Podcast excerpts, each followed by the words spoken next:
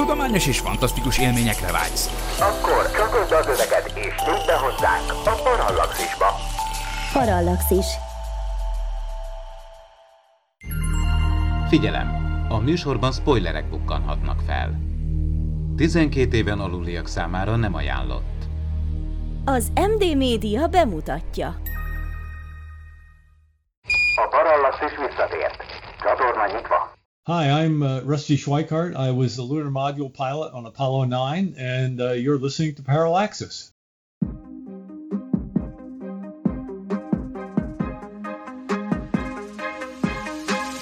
Tudományos és fantasztikus élmények Klaudiával, aki földrajztanár, Miklóssal, aki fizikus, és Ádámmal, aki nem.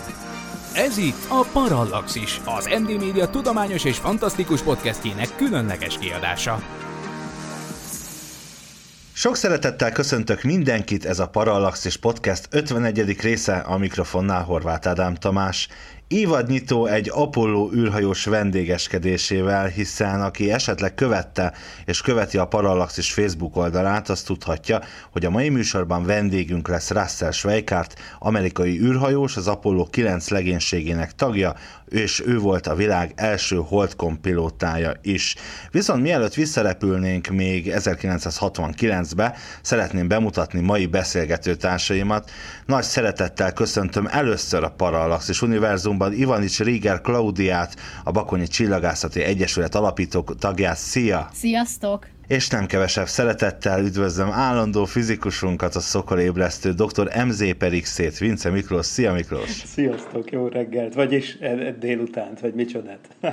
Igen, mert hogy azt elárulhatjuk a kedves hallgatóknak, hogy te most Floridában vagy éppen, ugyanis ugye a Fulbright ösztöndíj keretében ezt a nyarat kint töltötted, hamarosan már hazatérsz, de hát ez egy ilyen interkontinentális kapcsolat, amin így meglepődök 2021-ben egy tudományos podcast műsorvezetőjeként. Ugye? Igen, ez, ez, ez, ez még mindig meglepő. Viszont kedves hallgatók, ti ne felejtsétek el, hogyha szívesen néztek, hallgattok és olvastok minket, akkor tudományos ismeretterjesztő munkánkat nagyban segíthetitek adományotokkal. Erről a donate.emtv.hu oldalon minden információt megtaláltok, és köszönjük szépen. Mielőtt viszont jobban belevetném magunkat a tudományos és fantasztikus élményekbe, a Parallaxis csapata nevében szeretném megköszönni a Tudományos Újságíró Klubjának, hogy ismét 2021-ben is a magas színvonalú blogoknak járó elismerő oklevélben részesítették a Parallaxist. Köszönjük szépen! És még egy köszönet nyilvánítással adós vagyok. Szeretném ugyanis megköszönni a nyári szünet alatt a planetology.hu csapatának az elmúlt 14 hétben hallható magas színvonalú Planetokest epizódokat. Köszönöm Bardószné Kocsis Erzsónak, Kovács Gergőnek és Rezsabek Nándornak, hogy az elmúlt hónapokban nem csak a podcast adásokban, de a teljes ismeretterjesztő munkánkban partnerek voltak. További sok sikert kívánok, remélem lesz még lehetőségünk ilyen szoros együttműködésre a későbbiekben is. Ennyi szolgálati közlemény követően viszont akkor vágjunk is bele, és rögtön el is árulom, hogy ez a beszélgetés, amit hallani fogtok majd hamarosan Russell Schweikárttal, az Apollo 9 űrhajósával már korábban elkészült. Ugye Miklós, te készítetted ezt, amit ugye itt most a podcastben magyar nyelven fognak a kedves hallgatók hallani. Pár szóban Miklós, össze tudnád foglalni kérlek, hogy miről lesz szó, illetve hogy milyen körülmények között született meg ez a, ez a beszélgetés. Rusty Schweikart, ahogy mondtad is, egy Apollo űrhajós, majd ezt el is fogja mondani, meg megbeszéljük az interjúban, amit majd hallani fognak a kedves hallgatók.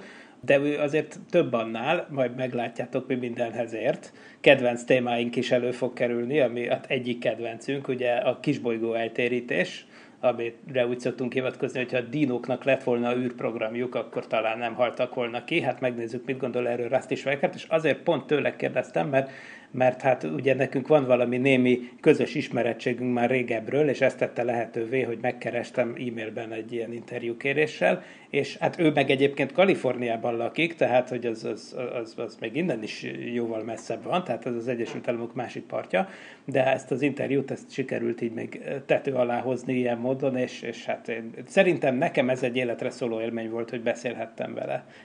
És ráadásul ilyen hosszan a rendelkezésünkre állt, úgyhogy, úgyhogy hát hát köszönjük neked is, meg nektek is, tehát az egész Parallaxis csapatnak, hogy így ösztönöztek, hogy izé keressünk már valakit az nyitóra, és őszintén szóval nem gondoltam volna, hogy sikerül összehozni ezt az interjút, de, de hát nagyon boldog vagyok, hogy sikerült, és szerintem tök érdekes lett. Most itt mondtad, hogy ugye elég hosszan a rendelkezésünkre állt, és valóban majd kedves hallgatók, ti is halljátok, hogy majdnem 40 percig beszélgetett Miklós vele, de azért megkínosztad, ezt el, el kell, de, hogy mondjam, de igen, hogy... igen, igen, ugye? Úgy tűnik egyébként, és, és hát majd, hogyha a videót megnézik a hallgatók, amire szintén lesz lehetőségük, akkor ott látni fogják, hogy van egy pont, ahol, ahol ugye elkezdi dörzsölgetni a szemét, és akkor én gondoltam, hogy hú, hát jól lefáradt Rusty, hát azért, azért azt, azt tegyük hozzá, hogy Rusty Schweikart jelenleg 85 éves, tehát nagyon fiatalos, de hát azért persze gondoltam, hogy biztos le lehet fárasztani. Most ennek ellentmond, hogy miután itt vége van az interjúnak, és kikapcsoltuk a Skype-ot, még vagy fél órát dumáltunk másról, és nem én,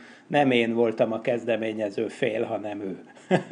Az Apollo 9 útja nem tartozik azok közé a, a nagy világsajtót izgalomba tartó és, és mai napig emlékezetes úttak sorá közé, mint mondjuk az Apollo 8 vagy az Apollo 11, esetleg az Apollo 13 küldetése.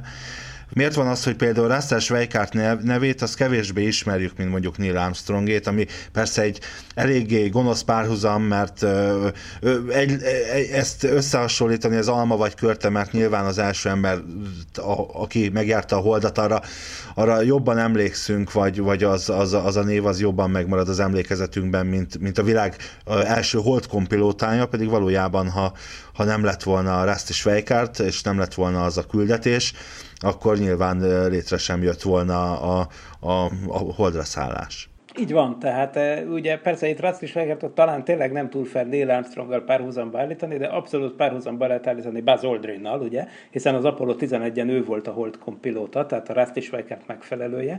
Nyilván, ahogy hallani is fogjuk, a Holdcompot ezen az úton próbálták ki először, ugye ez egy egymásra épülő kísérlet sorozat volt, és hát az nem lehetett egyből dúl bele a holdra szállással megpróbálkozni, előtte mindent ki kellett alaposan próbálni, és és, és ezért az Apollo 9 annyi újítást hozott be, amit szerintem azóta se nagyon hozott be más űrküldetés. Tehát olyan, hogy, hogy egy űrrepülésen ennyi újdonság egyszerre jelenik meg, az, az körülbelül példátlan, és ezért én azt gondolom, hogy az Apollo 9 az lehet, hogy nem, azt mondod, nem olyan látványos, mert a Föld körül keringtek, és nem mentek el a holdig, de mérnöki technikai szempontból egészen elképesztő, és emiatt én azt gondolom, hogy az Apollo program egyik legfontosabb küldetése, mert enélkül valóban az Apollo 11 az egyáltalán nem lett volna lehetséges, pedig az még ugyanabban az évben megtörtént, tehát az Apollo 9 ugye 1969 márciusában repült, ha jól emlékszem, és, és ugye négy hónappal később Armstrongék már kitűzték az ászlót a Holdra.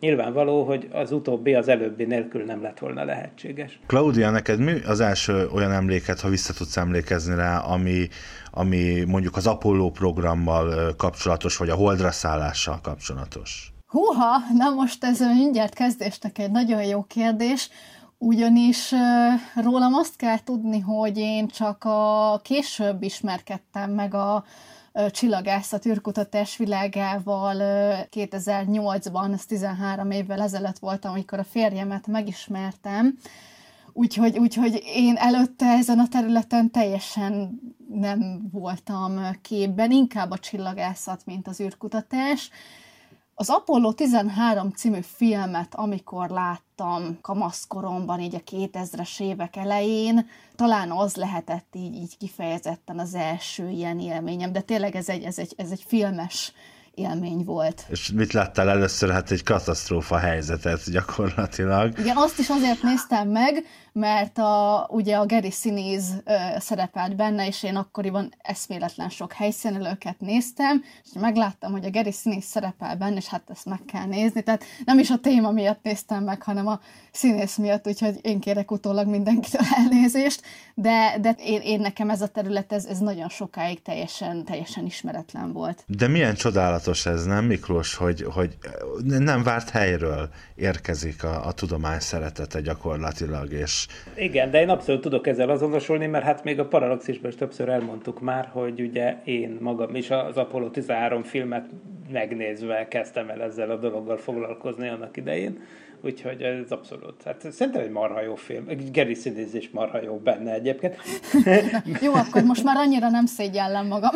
nem, ez, ne vicceljetek, hát szerintem zseniális volt ez az egész film, és, és, és, ugye ahhoz kell hozzánézni az Apollo 9-et, mert az Apollo 9 az az ellentét az Apollo 13-nak, egy olyan repülés, ahol gyakorlatilag minden tökéletesen működött ne is húzzuk tovább az időt, akkor következzen a beszélgetés Russell Schweikártal, az Apollo 9 legénységének tagjával, a világ első hold kompilótájával, itt a műsorban magyarul. Kőgergőnek köszönjük, hogy a hangját kölcsön adta Rusty Schweikártnak, úgyhogy jó szórakozást kívánok, az interjú után visszajövünk. Nagyon megtisztelő számunkra, hogy ma este Russell L. Schweikart szerepel a műsorunkban, akinek nem nagyon van szüksége talán bemutatásra sok hallgatónk számára, de azért egy kicsit mégis, mert szerintem a legtöbben, ha ismerik, úgy ismerik Rusty Schweikartot, mint az Apollo 9 holdkom pilótáját, az első tényleges holdkom pilótát, aki az Apollo 9 küldetésén repült 1969-ben. De természetesen sokkal többről lehet szó az ő esetében, és ezeket meg is beszéljük majd. Például az az alkalom, amikor először találkoztunk, olyan 12 évvel ezelőtt a Nemzetközi Astronautikai Szövetség kongresszusán volt, Glasgow-ban, ahol egy nagyon érdekes beszélgetést folytattunk az önveszélyes aszteroidák eltérítéséről szóló kezdeményezéséről. Vagyis nagyon sok fontos kérdésen dolgozott, és dolgozik, azt hiszem manapság is. Ezért nagyon köszönöm, hogy elfogadta a meghívásunkat erre a kis beszélgetésre. Először is. Úgy gondolom, hogy bár sok mindenről szeretnék szót váltani, de mégis azt javasolnám, hogy menjünk vissza az időben 1968-ba. 1968-ban ugyanis a NASA már végrehajtotta a Hold program óriási Saturn 5 rakétájának két pilóta nélküli tesztrepülését, és ezek közül a második, az Apollo 6, az úgy alakult, hogy én azt gondolom, hogy a mai NASA ezt egy közel katasztrófának minősítené, és ha valami ilyesmi történne manapság, akkor az legalább két évnyi további, további fejlesztést vonna maga után. De akkor 1968 volt az űrverseny csúcspontja, így aztán érdekes módon a programvezetői úgy döntöttek, hogy oké, okay, eh, volt itt néhány rázós probléma, de sikerült megtalálni és megoldani őket, embereket, így hát miért is ne tehetnénk embereket a harmadik Saturn 5 rakétára? És ez lett volna az Apollo 8 küldetése, amelyre ön volt kijelölve Jim McDavid parancsnokkal és David Scottal együtt. De természetesen ugye ott voltak a szovjetek is, akik éppen felgyorsították a hold körüli programjukat, és ott volt a Hold Comp is, amely ezen a repülésen debütált volna, de még nem állt készen. Ezért aztán a NASA úgy döntött, hogy valahogy átcserélgeti ezeket a küldetéseket, és így hát ön az Apollo 9-en találta magát, mint a világ első Hold pilótája. És ehhez kapcsolódnak a kérdései. Az első uh, az, hogy hogyan is történt mindez. Az űrtörténeti beszámolókban több verziót is találni erről.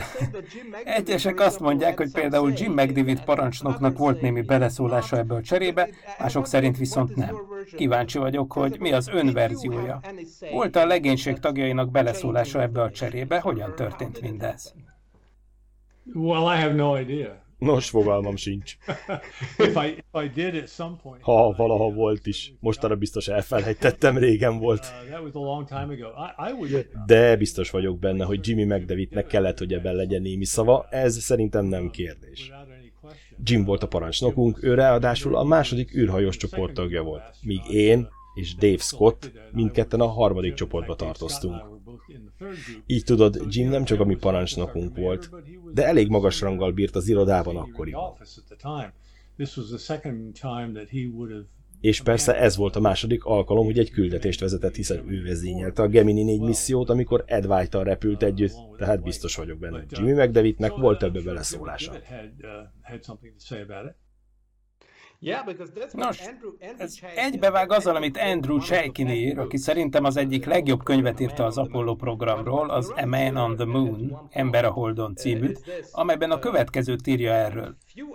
Kevés űrhajós lepődött volna meg azon, ha megtudja, hogy Jim McDavid visszautasította a holdat megkerülő küldetést, hogy megtarthassa ezt a másikat. És itt jön a vicces rész. Bár kevesen mondtak volna ilyet nyilvánosan, de sokan úgy látták, hogy az Apollo 8 alig volt több, mint egy utazás, tényleges pilótát igénylő repülés nélkül. Ám az Apollo 9 egy valódi belepülő pilóta ünnepé volt, valójában bonyolultabb, ambiciózusabb és bizonyos szempontból veszélyesebb is, mint az Apollo 8. És persze Holdcom pilótaként ön rendkívül fontos szerepet kapott ebben a küldetésben, de ha felajánlották volna a lehetőséget a választásra, hogy körbe repülje Holdat az Apollo 8-al a Holdcomp nélkül, vagy maradjon csak Föld körül, de holdkompos küldetésen, ön az utóbbit, az Apollo 9-et választotta volna? Igen, egyértelműen. Ez nem is kérdés. Na most, ami a történelmi szempontot illeti, az más, mint a berepülőpilóta szempontja. Bárki, aki valamit úgy igazán repülni akar pilótaként. Nos, annak az Apollo 9 küldetés nyilvánvalóan az Apollo 8-nál sokkal többet jelentett. Másfelől viszont, ami a történelmet illeti, úgy gondolom. Az Apollo 8 mindenképpen sokkal emlékezetesebb, és még mindig az lesz, mint az Apollo 9. Az Apollo 9 egy valódi mérnöki tesztrepülés volt, ám az Apollo 8 jelentette az első alkalmat, amikor emberi szemek nézhettek vissza a mély űrből a Földünkre. Távolról a naprendszer egy másik égitestének közeléből, és láthatták az otthonunkat olyannak, amilyen valójában. Egyedül a világűr feketeségében. Tehát ez egy igazán történelmi küldetés volt, és ezt fontos megjegyezni, ha bár nagyon boldog vagyok, hogy az Apollo 9-en holdcom pilóta lehettem. I'm very happy to have been on Apollo 9 and been the uh, lunar module pilot. Yeah, the first, the first Így igaz, a legelső valódi holdkompilóta a világon, ez fantasztikus. És azt kell, hogy mondjam, kiráz a hideg, ha arra a tényre gondolok, hogy ez volt a legelső olyan eset, amikor egy olyan űrhajóban utaztak emberek, szabadon repülve az űrben, amely nem volt alkalmas arra, hogy visszatérjen a Földre. Gondolom ez, ez biztosan egy eléggé furcsa érzés lehetett, de nem is csak ez volt az újdonság, hiszen olyan sok ismeretlen tényező, újdonság, újítás szerepelt a repülésen, hogy szerintem mind a mai napig az Apollo 9 tekinthető minden idők egyik legambiciózusabb űrrepülésének. Nos, igen. Azt hiszem mérnöki szempontból ez tényleg teljesen igaz. Spacecraft. Valóban nagyon sok újdonságot, és egy teljesen vadonatúj űrhajót teszteltünk egy másik űrhajó társaságával, ami mindössze kétszer repült korábban. Vagyis ez egy valóban elképesztően ambiciózus küldetés volt, másfelől viszont nem kellett leszállnunk a holdra, ami azért szintén egy elég izgalmas ügy volt. Uh, hiszen persze addigra már kipróbáltuk a holdkompot, de azt nem tesztelhettük, hogy ténylegesen tud-e landolni. Uh, szóval az egész Apollo program rendkívül nagyra törő volt, összehasonlítva egy csomó mással, ami azóta történt. Yeah, that's right. Igen, ez így igaz. Ráadásul ezen a fantasztikus küldetésen tulajdonképpen, ha úgy tetszik, egy harmadik űrhajó tesztelését is el kellett végezni. Ez pedig nem más, mint a holdi űrsét a Skafander, amely elsőként volt önálló életfenntartó rendszerrel felszerelve az amerikai űrprogramban, sőt talán a világon a szovjeteket is beleértve, ebben nem vagyok biztos. De az bizonyos, hogy ön volt az első amerikai űrhajós, akinek saját életfenntartó rendszerrel felszerelt űrruhát kellett kipróbálni. Aztán, aztán meg ott volt még egy kulcsfontosságú újdonság, amit nem szokás hangsúlyozni, és amelyhez hasonlót az oroszok aztán még évekig nem alkottak meg, a dokkoló átjáró. Ez manapság az én generációmnak magától értetődőnek tűnik, hogy két űrhajó összekapcsolódik, és kinyitod az ajtót a kettő között, és átlebegsz az egyikből a másikba, de akkoriban ez is vadonatúj technológia volt, ugye, és azt is az Apollo 9-en alkalmazták először először, ha nem tévedek. Így igaz. És hála az égnek, a későbbi űrprogram átjáró csatorna, illetve dokkolórendszer konstrukciói nem az Apollohoz kidolgozott modellt vitték tovább. Az Apollo modellben ugyanis a csatorna külső része eléggé egyszerűen, csak két összekapcsolódó csőből állt, de a közepén ott volt a botos kúpos kapcsolómechanizmus. melyben a kúp egy egyszerű töltsér volt egy lyukkal a közepén. De a botos mechanizmus egy elképesztően komplikált szerkezet volt.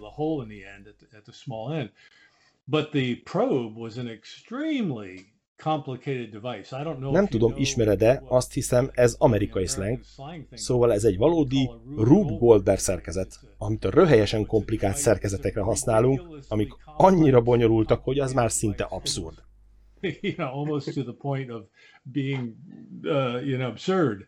But um, de szerencsére a mostanság használatos dokkolórendszerekben a mozgó alkatrészek az alagút pereménél, szélénél vannak elhelyezve. Az átjáró csők kerülete mentén az út közepén mindig szabad. Nem kell egy ilyen komplikált dolgot kiszerkeszteni a közepéről, hogy átmehesse.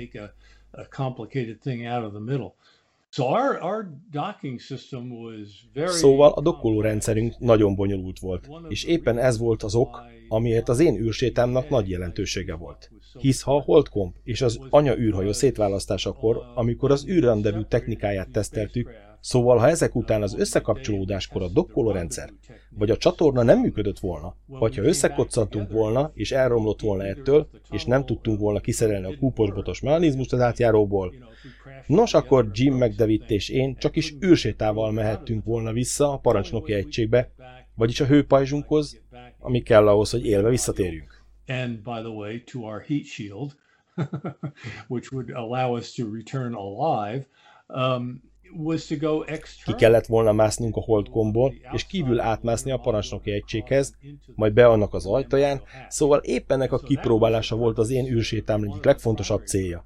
Erre a küldetés harmadik napján került sor.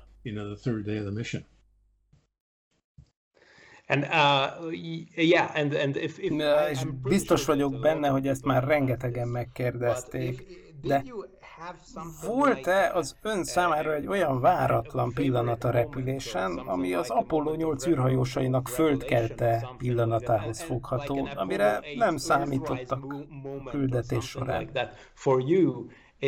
Nem tudom, talán, talán ez egy buta kérdés. Nem, egyáltalán nem az. De valójában ezen nem nagyon gondolkoztam még.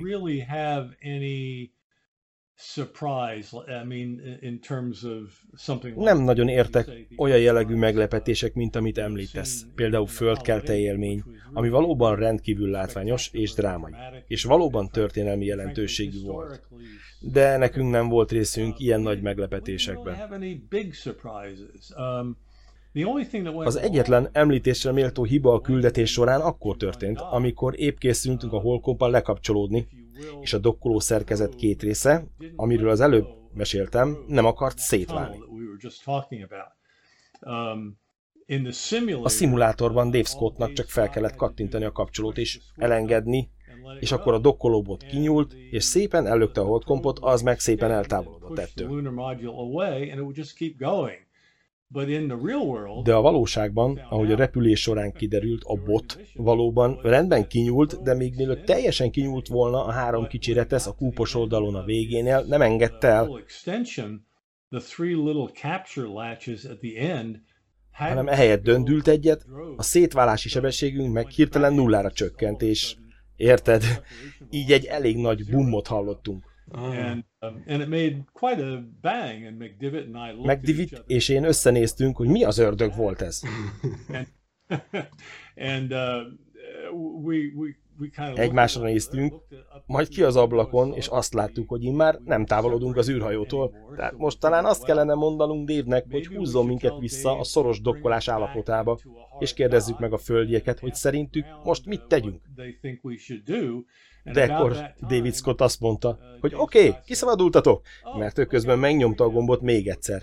Jimmy és én egymásra néztünk, hogy hát most, oké okay, Dave, reméljük, nem törtünk el semmit, és hogy majd újra össze tudunk kapcsolódni, majd nyolc óra múlva az kiderül. Szóval igen, ez volt az egyetlen meglepetés, és ez is nagyon enyhe volt, mert aztán amikor eljött az idő, hogy újra összekapcsolódjunk a dokkolórendszer, teljesen jól működött, minden probléma nélkül, szóval ez ennyi volt. Vagyis ez ilyen értelemben egy elég sima küldetés volt. De mondanék néhány szót valamiről, ami talán a kívülállóknak furcsa lehet. Szóval a felkészülés során, amikor a szimulátorban repülsz, egy olyan művelet, mint például az űrrandevú és a dokkolás, szinte sosem hajtasz végre hibák nélkül.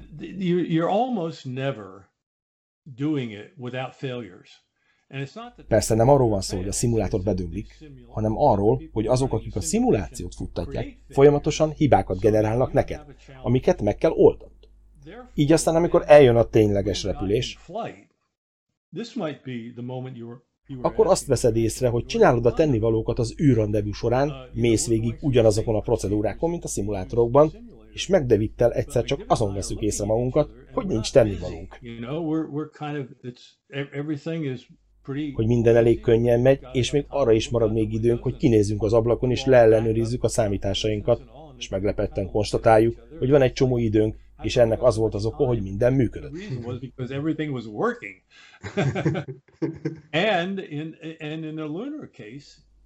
és a hold repülések esetén még inkább ez volt a helyzet. Miért?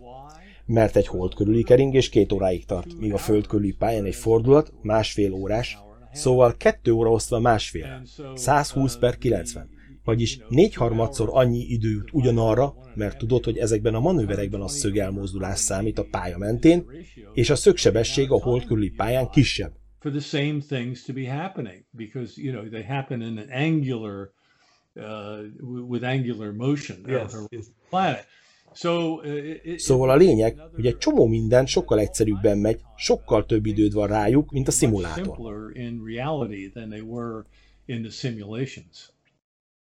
Na hát, ez, ez csodálatos, ezt sose gondoltam volna. Azt hittem, hogy pont fordítva van, őszintén szólva. Azt gondoltam, és szerintem a legtöbben így hitték, hogy a valódi repülésen sokkal nagyobb a sietség, hiszen ott van a súlytalanság és a csomó más tényező. Szóval érdekes ezt hallani, hogy a valóságban ez pont fordítva van. Nos, általánosságban több időnk van, de az űrsétára mindez nem igaz. Ott ugyanis az a helyzet, hogy az idő rendkívül értékes, és ott majdnem mindig valamivel több időt vesznek igénybe a dolgok, mint gyakorláskor. Ez még inkább igaz a mostani őrsétákra, hiszen manapság igazán megterhelő feladatok vannak.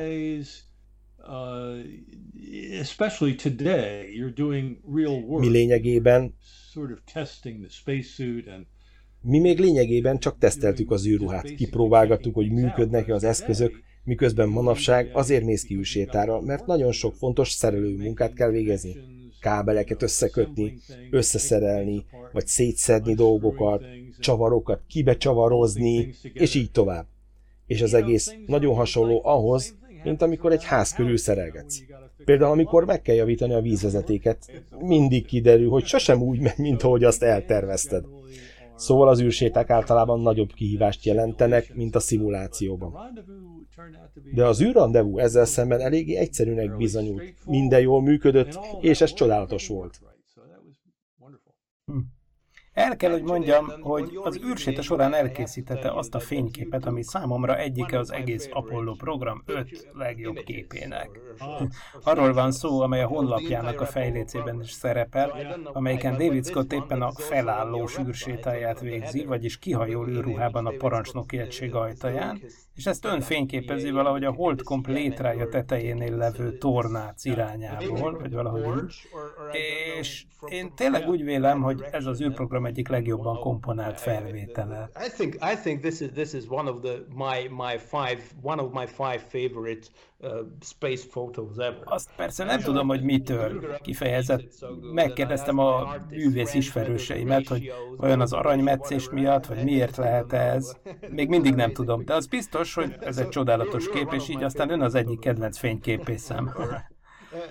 Na de, na de, van itt még egy csomó egyéb megbeszélni való, hiszen nem sokkal azután, hogy leszerelt a NASA űrhajós irodájától, ha jól tudom, ön és néhány kollégája, beleértve szovjeteket is, létrehozták ezt az úgynevezett űrfelfedezők egyesülete, Association of Space Explorers nevű szervezetet, az AESE-t, amely tulajdonképpen mindazok valamiféle bajtársi szövetsége, akik repültek a világűrben, vagy valami ilyesmi, egy nemzetközi űrhajós szövetség.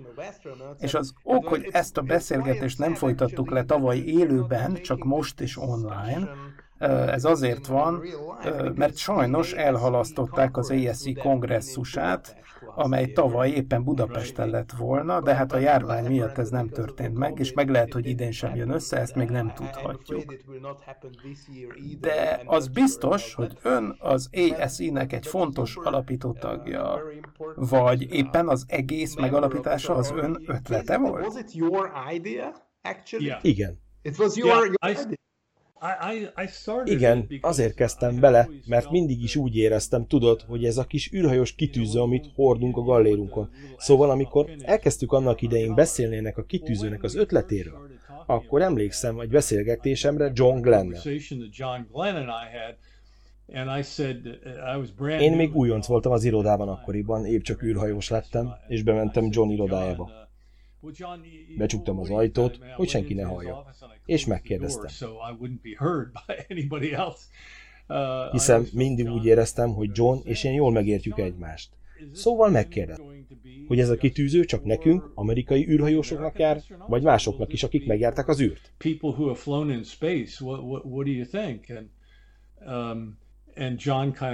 John felnézett, majd kicsit oldalra sandított, és így szólt. Rusty, ez egy érdekes ötlet, de nem igazán javaslom, hogy nagyon hangoztasd ezt a felvetést. Um, Én megmondom, oké okay, John, nem fogom.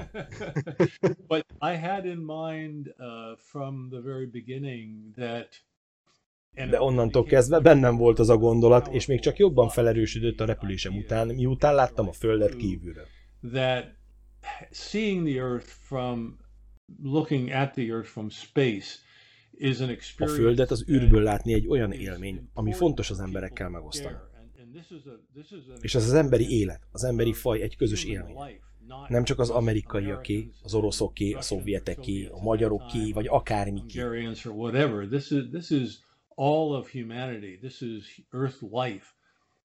Ez itt az emberiség, sőt, az egész földi élet, amely elkezd kifelé mozdulni erről a mi gyönyörű bolygónkról. Az anyaföldünkről a világűrben.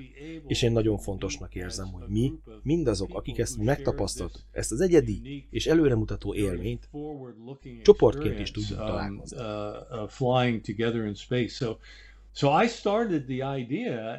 Így hát felvetettem ezt az ötletet szó szerint a hidegháború csúcsán, és amikor először utaztam a Szovjetunióba, az volt a valódi célom, hogy felderítsem, hogy vajon a kozmonautákat érdekelnie egy efféle szervezet megalapítása.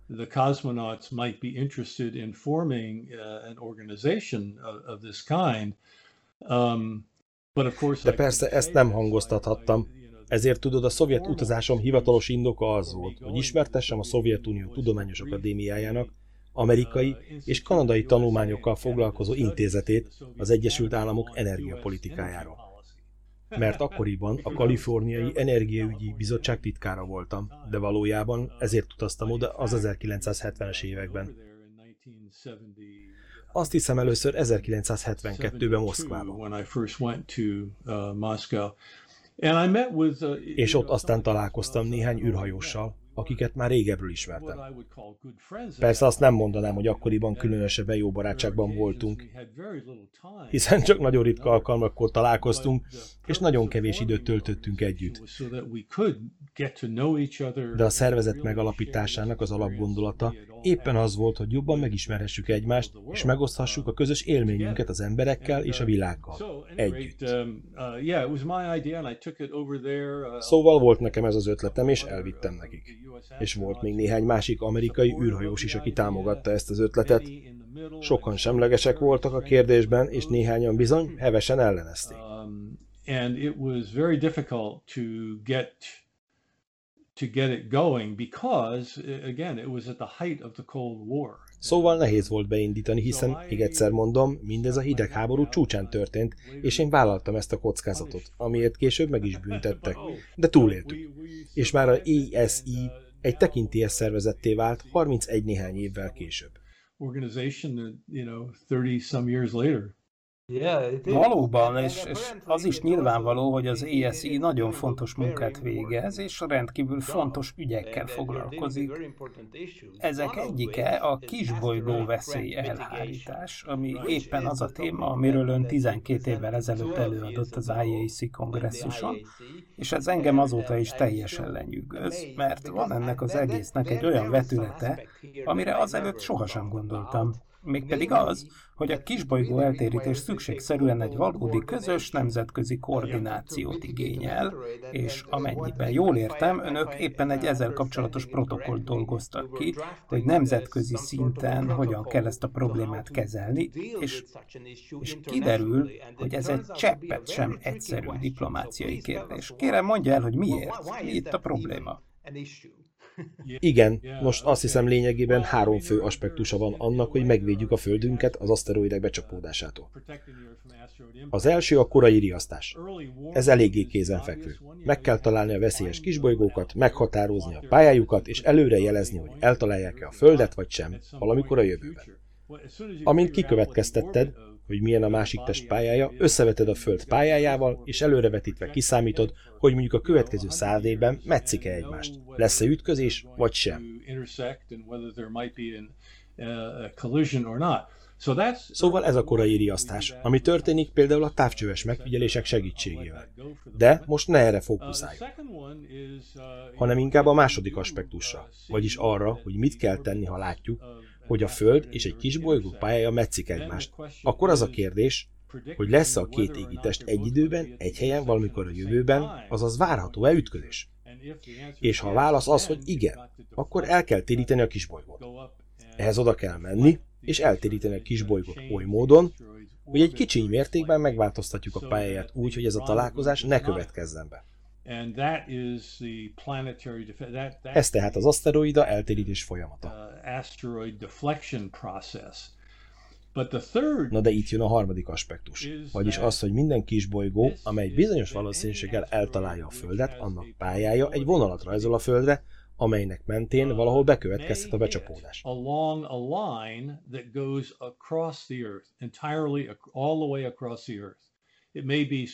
Lehet, hogy ez a vonal a földgolyó egyik szélén húzódik, vagy éppen a közepén át. Lehet, hogy ferdén erre vagy arra döntve. De a lényeg, hogy húzódik majd egy képzeletbeli vonal a földfelszín mentén, amit úgy hívunk, hogy kockázati folyósó. Más szóval a szóban forgó aszteroida becsapódásának van egy bizonyos valószínűsége, és ha megtörténik, a becsapódás egy konkrét helyen fog bekövetkezni, ezen vonal mentén. De nem tudhatod pontosan hol, mert a követésnek sokkal pontosabbnak kell lennie, mint ami lehetséges ahhoz, hogy a folyósót egy ponttá zsugoríthasson. Vagyis a követési pontosság 5-10 évvel a becsapódás előtt nem elég jó ahhoz, hogy tudhassuk, hogy hova fog becsapódni.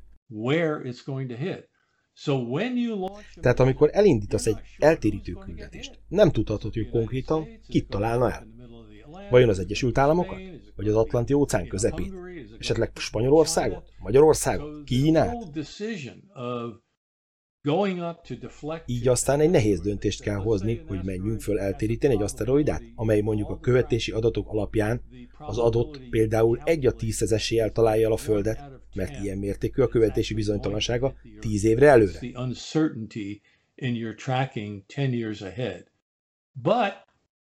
Viszont el kell indítani a küldetést már most, ha el akarod téríteni, mert ha vársz még öt évet, akkor már nem lesz elég időd az eltérítésre.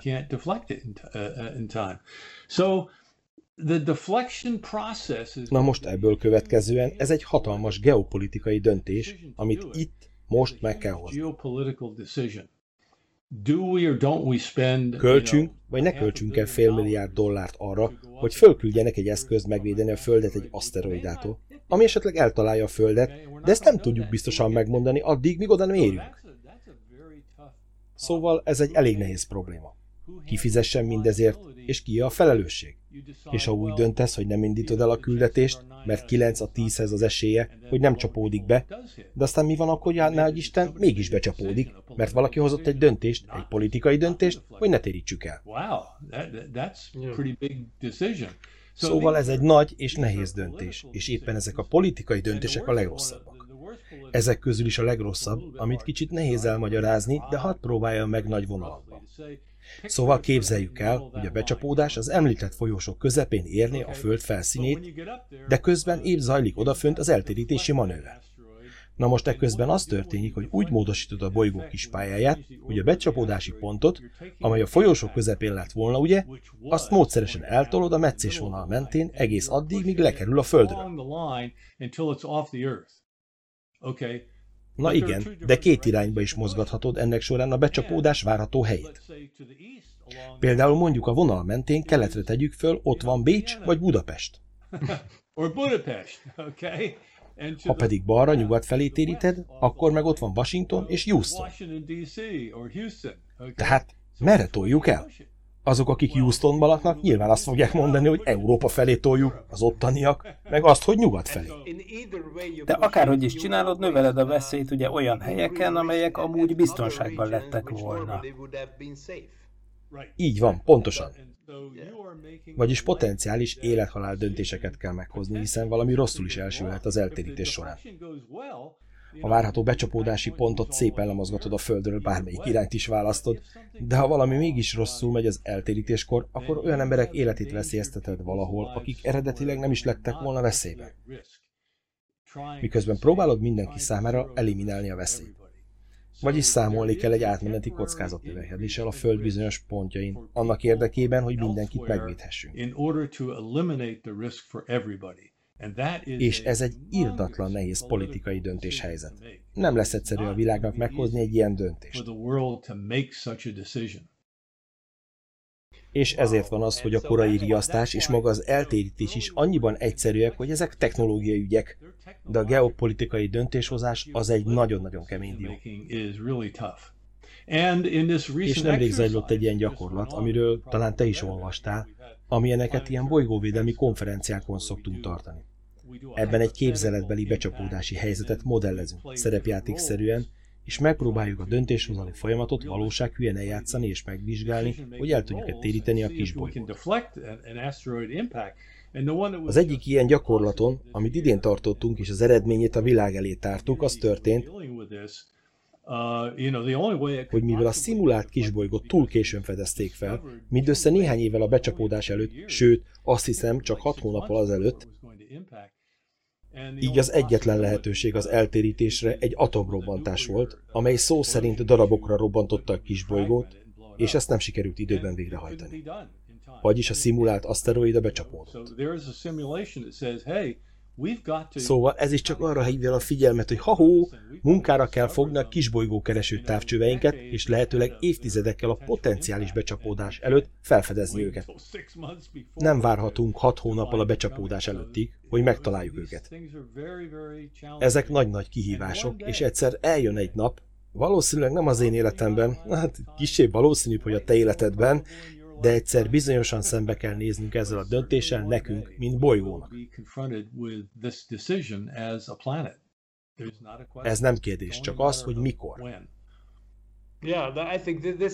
Igen, és azt gondolom, hogy éppen ön a legmegfelelőbb személy arra, hogy ezért az ügyért kiálljon, és mindig mondom, hogy ha a dinoszauruszoknak lett volna űrprogramja, akkor talán nem haltak volna ki.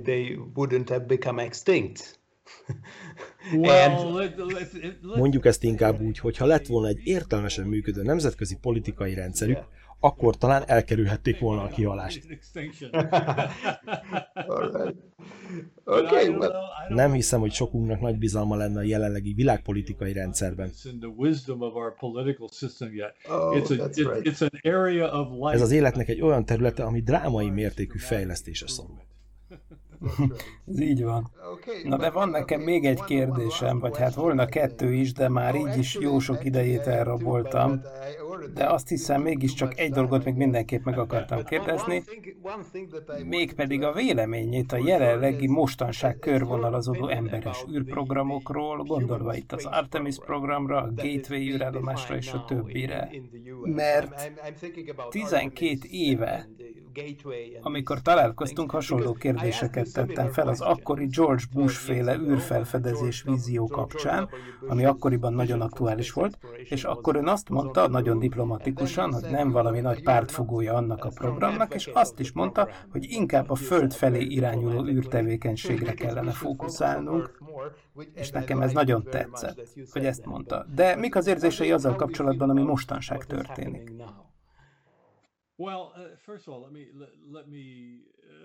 Nos, hát először is engedd meg, hogy ha nem is kiavítsam, de kiegészítsem legalább ezt a nekem tulajdonított megjegyzést. Szóval a Földre fókuszálni az valóban egy nagyon fontos része az űrtevékenységnek, de ezen felül számomra úgy tűnik, hogy mi éppen most születtünk ki a kozmoszba a bolygóba. És én úgy gondolom, ez egy nagy felelősség. Nagyon nagy hatalmunk van abban, hogy befolyásoljuk a jövőbeli fejlődésünket, és sikeresen terjeszkedjünk az űrbe az anyaföldről, hogy érettebbek legyünk, felnőjünk, és terjesszük az életet a világűrben.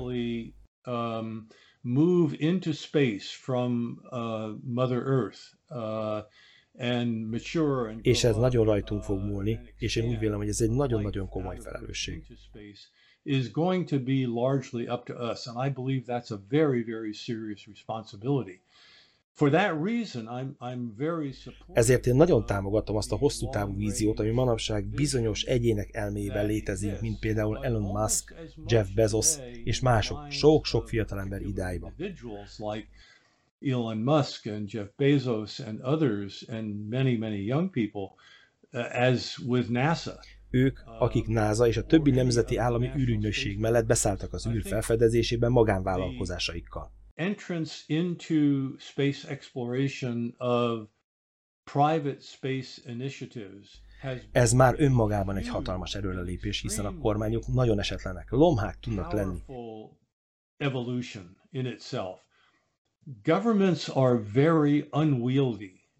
Hiszen az adófizető polgárok pénzét használják míg Bezos, Musk és a többiek a saját pénzüket költik. Így mernek kockázatot vállalni, amiket a kormánytisztviselők nem szívesen. Can spend their own money and take risks which government officials are very Ha egy kormányfinanszírozású programba hiba csúszik, akkor rögtön jön, hogy hűha, jaj, de szörnyű, miközben Musk abból él, hogy hibát hibára halmoz, de mindenki számára az a leggyorsabb módja a tanulásnak. Amint ezt minden sielő ember tudja, ha elesik. Másképpen, esések nélkül nem lehet megtanulni sielni. Na persze, ha folyamatosan csak esel, és sose tanulsz meg lecsúszni a domboldalról, az más kérdés. De a leggyorsabb fejlődés a hibákból, kudarcokból való tanulás útján érhető el, és olyasmik próbálgatásával, ami még nem megy. Szóval én nagyon lelkes vagyok a hosszú távú űrprogram iránt, de még ennél is jobban az iránt, hogy legalábbis az amerikai programban, de máshol is egyre inkább bizonyos mértékben még Kínában is. Az állami űrprogram szorosan együtt fog működni a magánkezdeményezésekkel, ahol valamivel kisebb mértékben húzódóznak a kockázatvállalást és a kudarcok.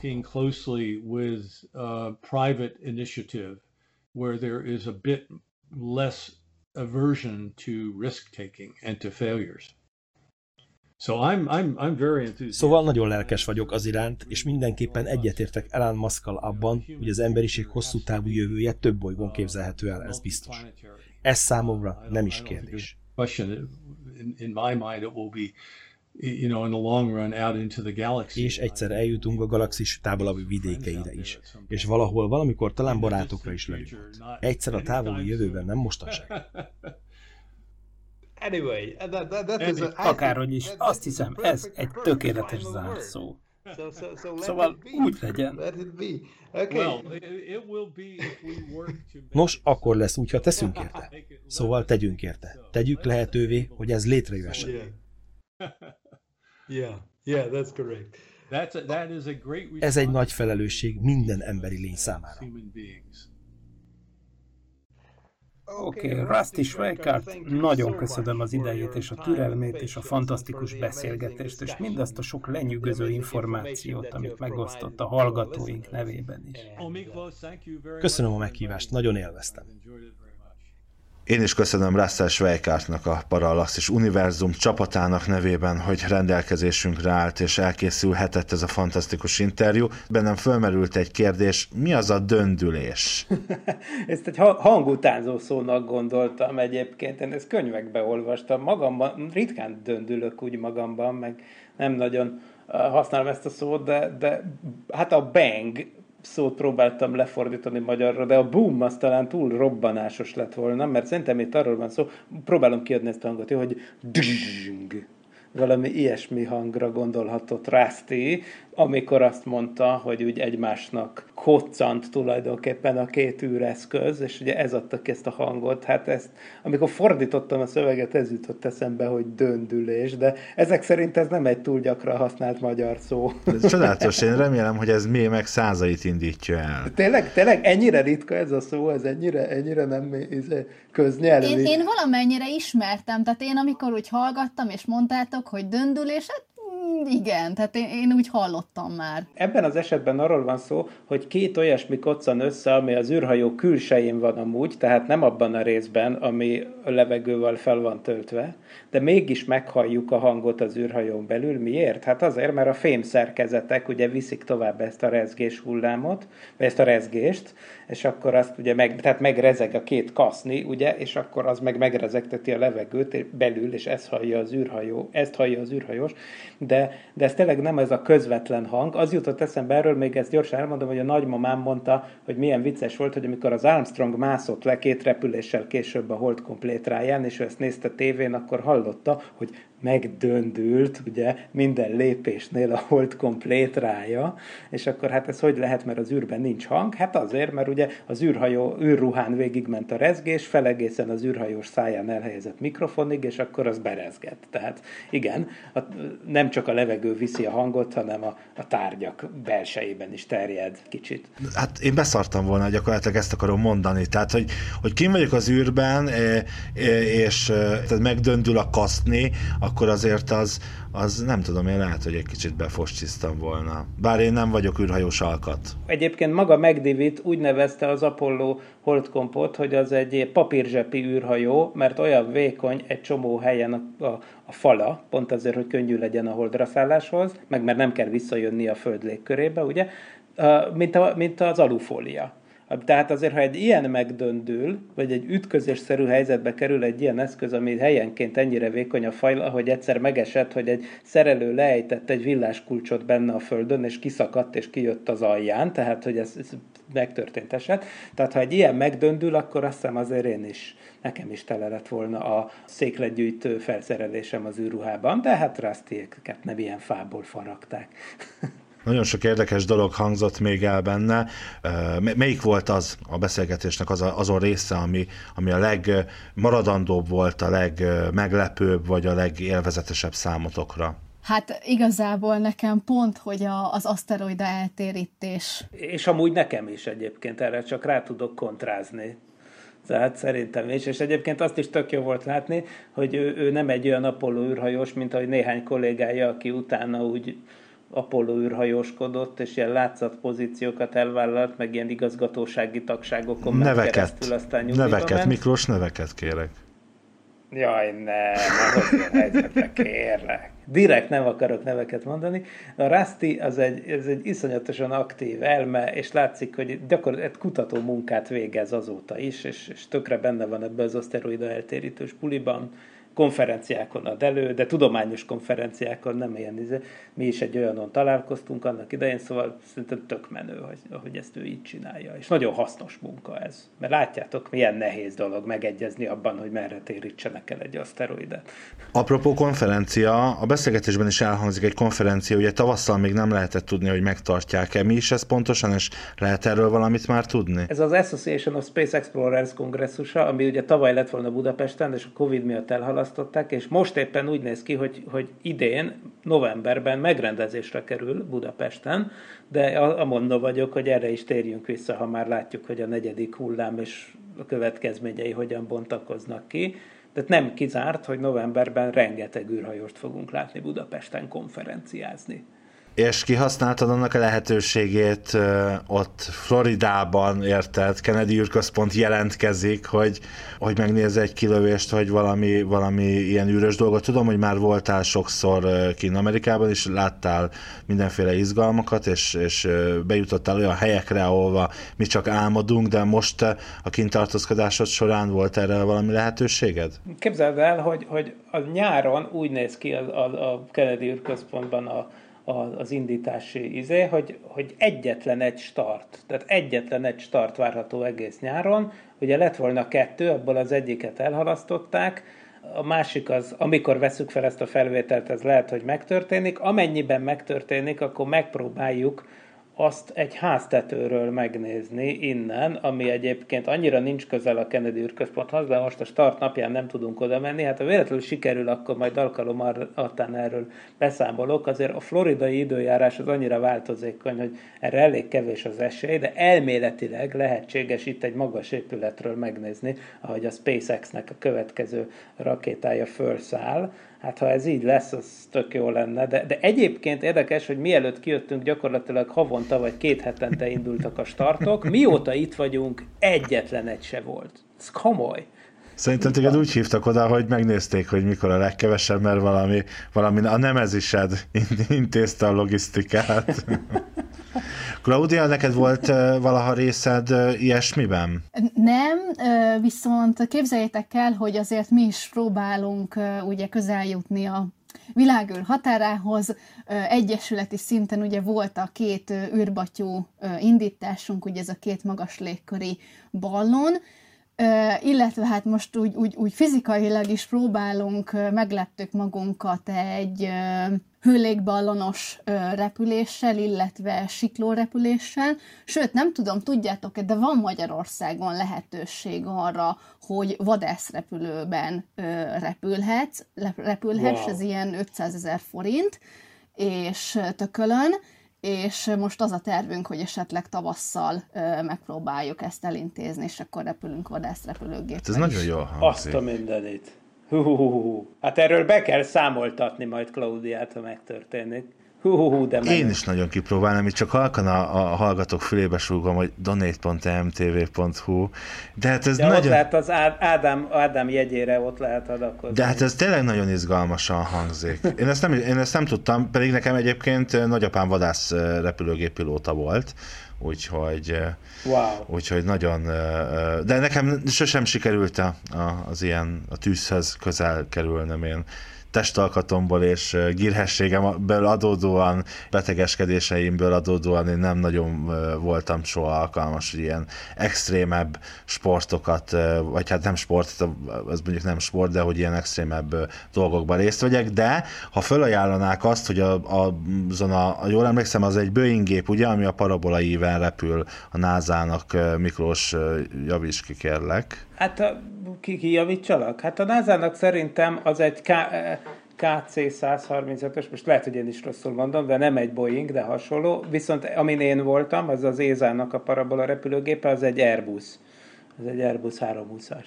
Szóval azt azért kipróbálnám. Azt, és azt simán kipróbálhatnád szerintem. Az izgalmas lehet. Claudia, ja, ja. megyünk, megyünk? Tényleg, menjetek olyanra, menjetek olyanra. Az jó buli.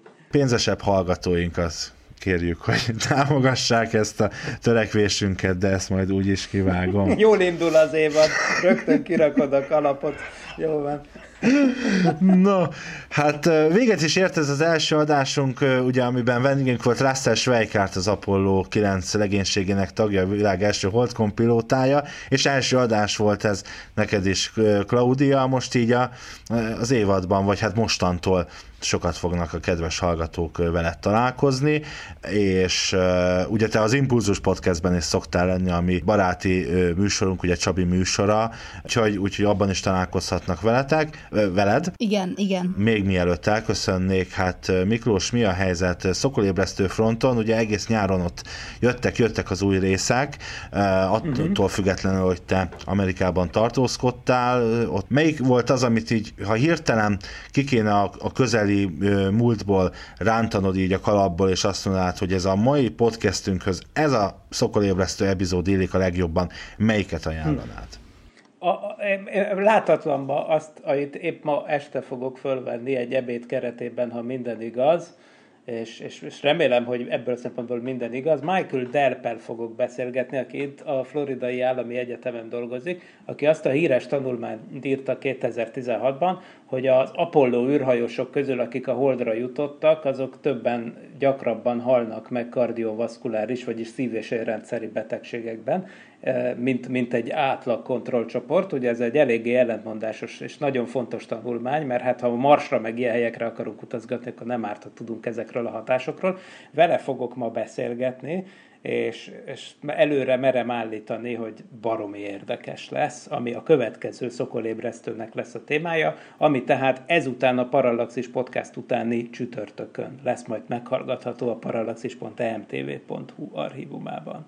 A podcastjénket meghallgathatjátok a Soundcloudon, iTunes-on és Spotify-on is, illetve a YouTube-on és a Facebookon is mostantól föltöltjük videós formában az epizódokat. Mi még nem látszódunk rajta, ott még nem tartunk, hiszen ez a műsor annyira tökéletes, hogy kép sem kell hozzá, ugye, mint tudjuk, úgyhogy milyen jó lett volna ez az elköszönés, de nem, mert hogy előtte még elmondom, hogy a legközelebb szeptember 16-án találkoztok velünk, amikor is a klímakatasztrófa kapcsán fogunk beszélgetni, ugye a kb. hónapja, másfél hónapja kiadott éghajlatváltozási kormányközi testület által kiadott jelentés, és hát eléggé hajmeresztő dolgokat állítanak a kutatók, úgyhogy erről fogunk beszélgetni legközelebb. Addig is további kellemes podcast hallgatást kívánok mindenkinek, és ne felejtjétek, ez a formátum annyira tökéletes, hogy kép sem kell hozzá. Sziasztok!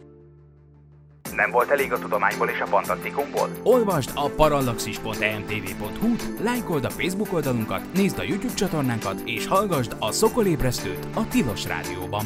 A Tudományos Újságíró Klubja és a Tudományos Ismeretterjesztő Társulat által a Juhari Zsuzsanna díj külön díjával jutalmazott blog podcastjét az MD Media készítette. Kreatív producer Horváth Ádám Tamás. Hamarosan jön a következő rész. Jelenlegi működésünk fenntartásához és fejlődéséhez most a te segítségedre is szükségünk van. Ha szívesen olvasol, nézel és hallgatsz minket, arra kérünk, hogy támogasd a Tudományos Újságírók Klubja és a Tudományos Ismeretterjesztő Társulat által 2019-ben a Juhari Zsuzsanna díj külön díjával jutalmazott Parallaxis csapatát. Kattints a donate.mtv.hu oldalra, és adományoddal segítsd a tudományos és fantasztikus ismeretterjesztést, hogy közösen eljussunk oda, ahová még senki nem merészkedett. Köszönjük! donate.emtv.hu